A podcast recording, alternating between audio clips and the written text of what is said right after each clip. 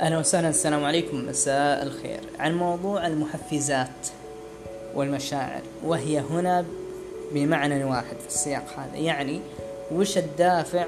الدافع والمحفز والشعور هنا كلها معنى واحد. وش اللي يخليك تقوم بعمل ما يعني؟ وش اللي يقومك الصباح؟ وش اللي زين؟ آه كنت اتساءل وش أقوى محفز يخلي الإنسان إنه يؤدي أو يعمل ليحقق نتائج غير اعتيادية يعني ما كان يتوقع في الأحوال العادية أنه يقوم بها والله يمديني أسويها ما إلا في ظرف معين جت القدرة وأنجز يعني. هذه كان الفكرة. وش أقوى محفز يدفع إلى العمل؟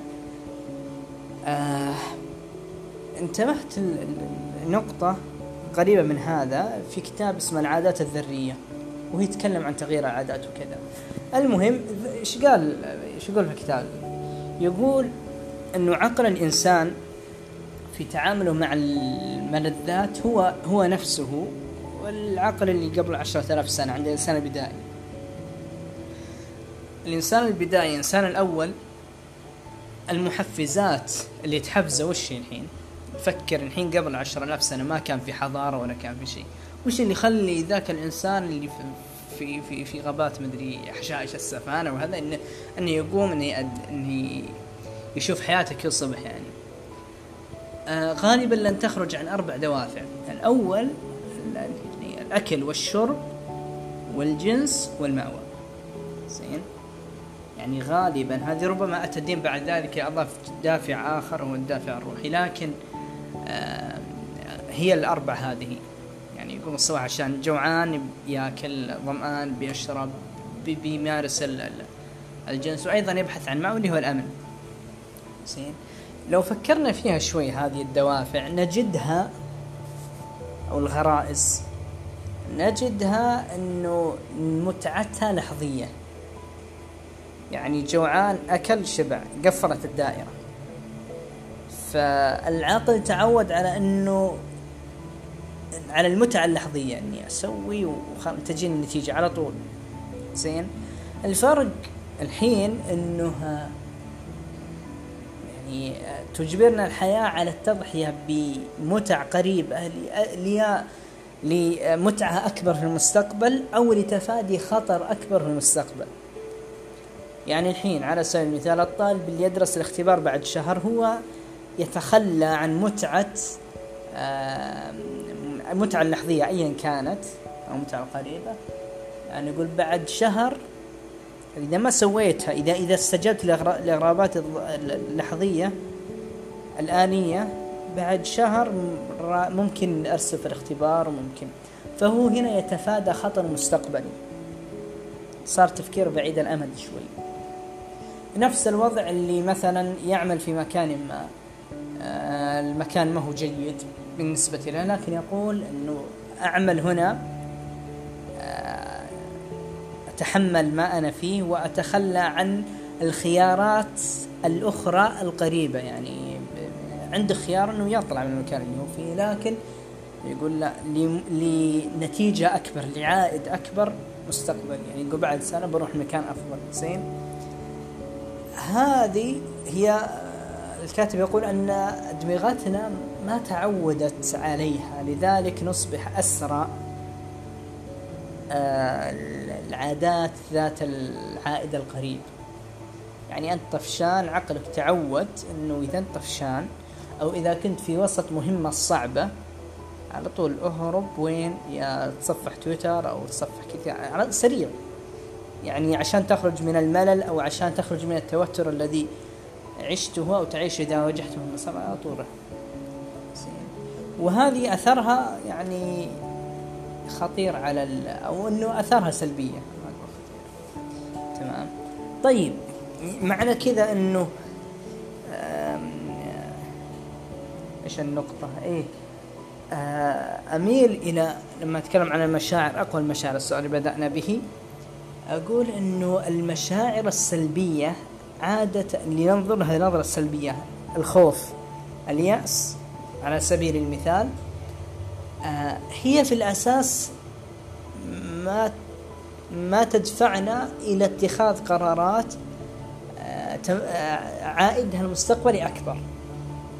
إذا كنت خائف خلنا أجيلها الحين بس سألت الشباب عن عن السؤال, السؤال هذا وش هو أكبر عائد؟ أكبر يعني أقوى شعور يدفعنا إلى القيام ب يدفعنا إلى العمل. واحد قال الحب. ما ما لم أقتنع به يعني. إلا تذكرت أحد الشباب يعني آه، تزوج رزق بمولود فكان يتحدث عن أثر يعني أثر أن يكون له ابن يعني على سلوك وعلى فهو يقول آه لما أمشي في يعني سوق السيارة ما كنت أسرع يعني تعودت إنه خلاص لا ما أسرع أربط حزام الأمان أخذ إجراءات الأمان يعني. يقول ما هو علشاني أو يقول إنه أخاف لو صار لي شيء من يقوم عليه من يربيه من فهو يتصرف ليس لذاته لكن لحبه لولده فقد يكون الحب يعني آه، شعور قبل أن يرزقنا الله نتزوج ويجينا عيال نشوف هذا آه، لكن بجانب هذا في جواب ثاني لطيف وهو الشعور بالواجب. يقول أنا أقوم الصباح أسوي علشان لأنه لازم إني أسوي يعني واجبي المجتمعي حتى ما يمديني إني أزوغ لكن قد يكون لهذا آثار سلبية. هي قريب من اللي ذكرناه لكن هذا نعم هو قريب مما ذكرناه يعني هو يقوم الصبح مثلا هو طالب. طالب لازم أدرس. ممكن أسحب لكن لهذا نتائج سلبية وممكن ما حد يدري عني لكن أعرف أنه بيصير شيء سلبي يعني. تمام. وهذا هو أكثر استدامة أنه أنت تقوم لأنك لازم أنك تقوم. تروح لدوامك أنك لازم أنك تروح لدوامك. آه هذه هي. وهو أظن هو أكثر استدامة من يعني المشاعر الرقيقة الأخرى. على الحب يعني آه خلينا من هذا. آه الشعورين الآخرين الخوف واليأس. الخوف هو قريب ما ذكرنا اللي هو إنه ممكن يصير نتيجة سلبية قدام. فانا لازم إني أسوي شيء الحين. لازم إني أسوي شيء علشان أتفادى النتيجة السلبية هذه. موظف مثلا آه، يقول إنه ممكن إنهم يتخلون عني المكان الذي يعمل به. فهو هنا خوف خوف من شيء مستقبلي قد يحدث. هذا قد يدفعه إلى القيام بأمور للتصرف نتيجة لخوفه. زين.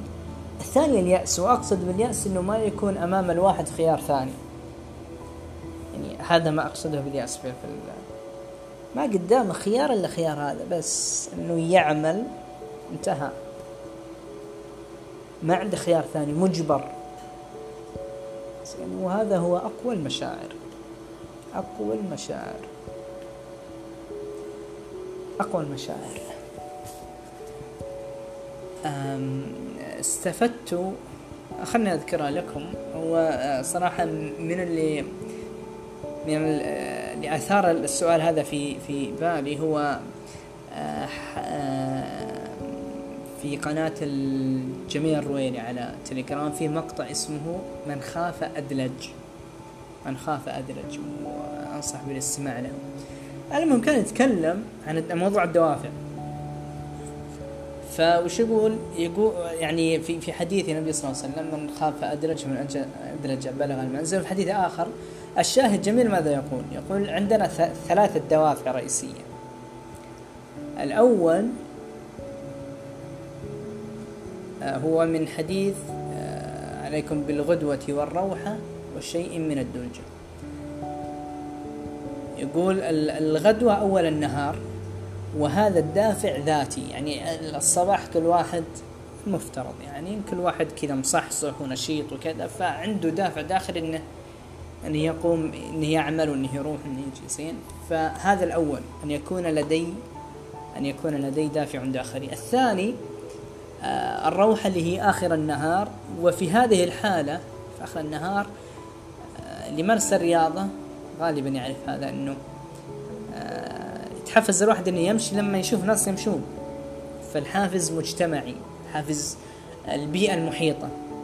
فإما أن يكون الحافز داخليا وإما أن يكون من البيئة المحيطة وإما وهو الثالث ومن آه وهو الثالث وهو شيء من الدلجة أن يكون مضطرا ما عنده خيار ثاني إلا أنه يغمض أصلا ما يشوف شيء في الليل. أنه ينطلق ولا ولا يركز إلا على هدفه. ينطلق. فأنصح بالاستماع إلى تلك الحلقة. ما هو حلقة؟ ما أدري. مقطع. ودمتم بخير.